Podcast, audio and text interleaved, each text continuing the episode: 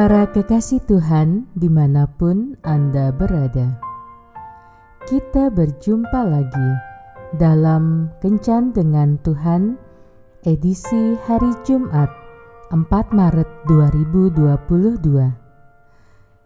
Dalam Kencan kita kali ini, kita akan merenungkan ayat dari Injil Yohanes, bab 3 ayat 16 karena begitu besar kasih Allah akan dunia ini, sehingga Ia telah mengaruniakan anaknya yang tunggal, supaya setiap orang yang percaya kepadanya tidak binasa, melainkan beroleh hidup yang kekal.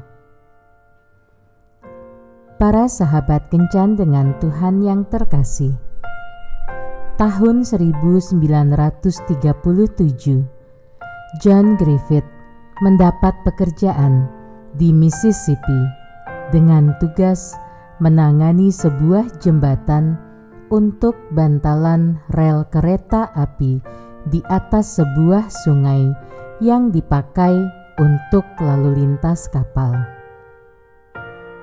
Suatu hari, anaknya yang berumur 8 tahun, Greg, selama seharian ikut menemaninya. Pagi itu, Greg bermain di kantor ayahnya, dan ribuan pertanyaan terlontar dari bibir mungilnya. Ketika sebuah kapal akan melintas di bawah jembatan rel kereta, John membuka jembatan. Tiba-tiba, dia sadar bahwa anaknya tidak ada bersamanya dalam keadaan bingung, ia melihat sekeliling, dan dalam ketakutan yang sangat, ia melihat anaknya sedang memanjat roda gigi pada jembatan tarik.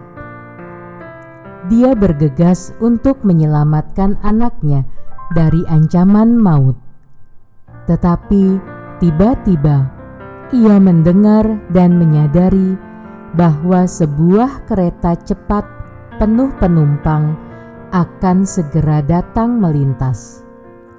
Ia berteriak kepada anaknya, tetapi ia sadar bahwa suara kapal yang sedang berlalu dan suara kereta ekspres yang keras tidak memungkinkan anaknya mendengar teriakannya.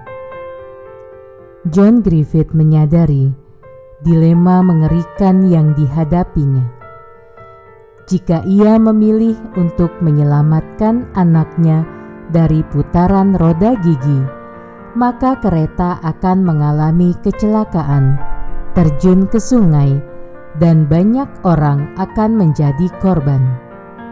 Tetapi jika ia menutup jembatan supaya kereta bisa lewat, maka anaknya akan menjadi korban tergilas roda gigi yang berputar saat jembatan tarik bergerak turun. Ia mengambil keputusan yang seharusnya dipikirkannya seribu kali sebelum menarik tuas untuk menutup kembali jembatan itu.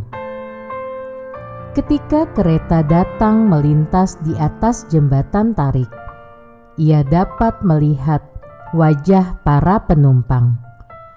Sebagian di antara mereka sedang membaca, yang lainnya sedang melambaikan tangan. Semua penumpang tidak menyadari adanya pengorbanan yang baru saja dilakukan demi keselamatan mereka. Greg telah tergilas oleh gigi-gigi roda yang berputar untuk menurunkan jembatan tarik, supaya kereta bisa lewat dengan aman. Allah juga pernah menghadapi dilema yang sama. Ia tidak dapat menyelamatkan orang berdosa jika ia mempertahankan Yesus, anaknya. Namun, pada akhirnya Allah tidak menyayangkan anaknya sendiri, tetapi yang menyerahkannya bagi kita. Roma bab 8 ayat 32 Itu adalah bukti pengorbanan Allah yang penuh kasih yang melihat bahwa tidak ada jalan lain untuk menyelamatkan manusia. Demikianlah kita ketahui kasih Kristus, yaitu bahwa Ia telah menyerahkan nyawanya untuk kita 1 Yohanes 3 ayat 16 Untuk kitalah dia melakukan itu. Apakah kita masih hidup dengan sia-sia? Tuhan Yesus memberkati. Marilah berdoa.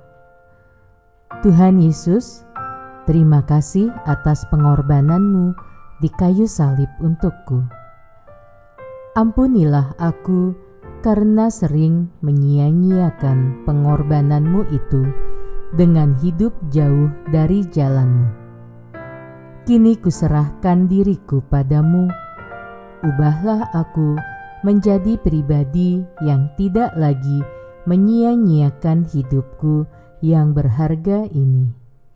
Amén.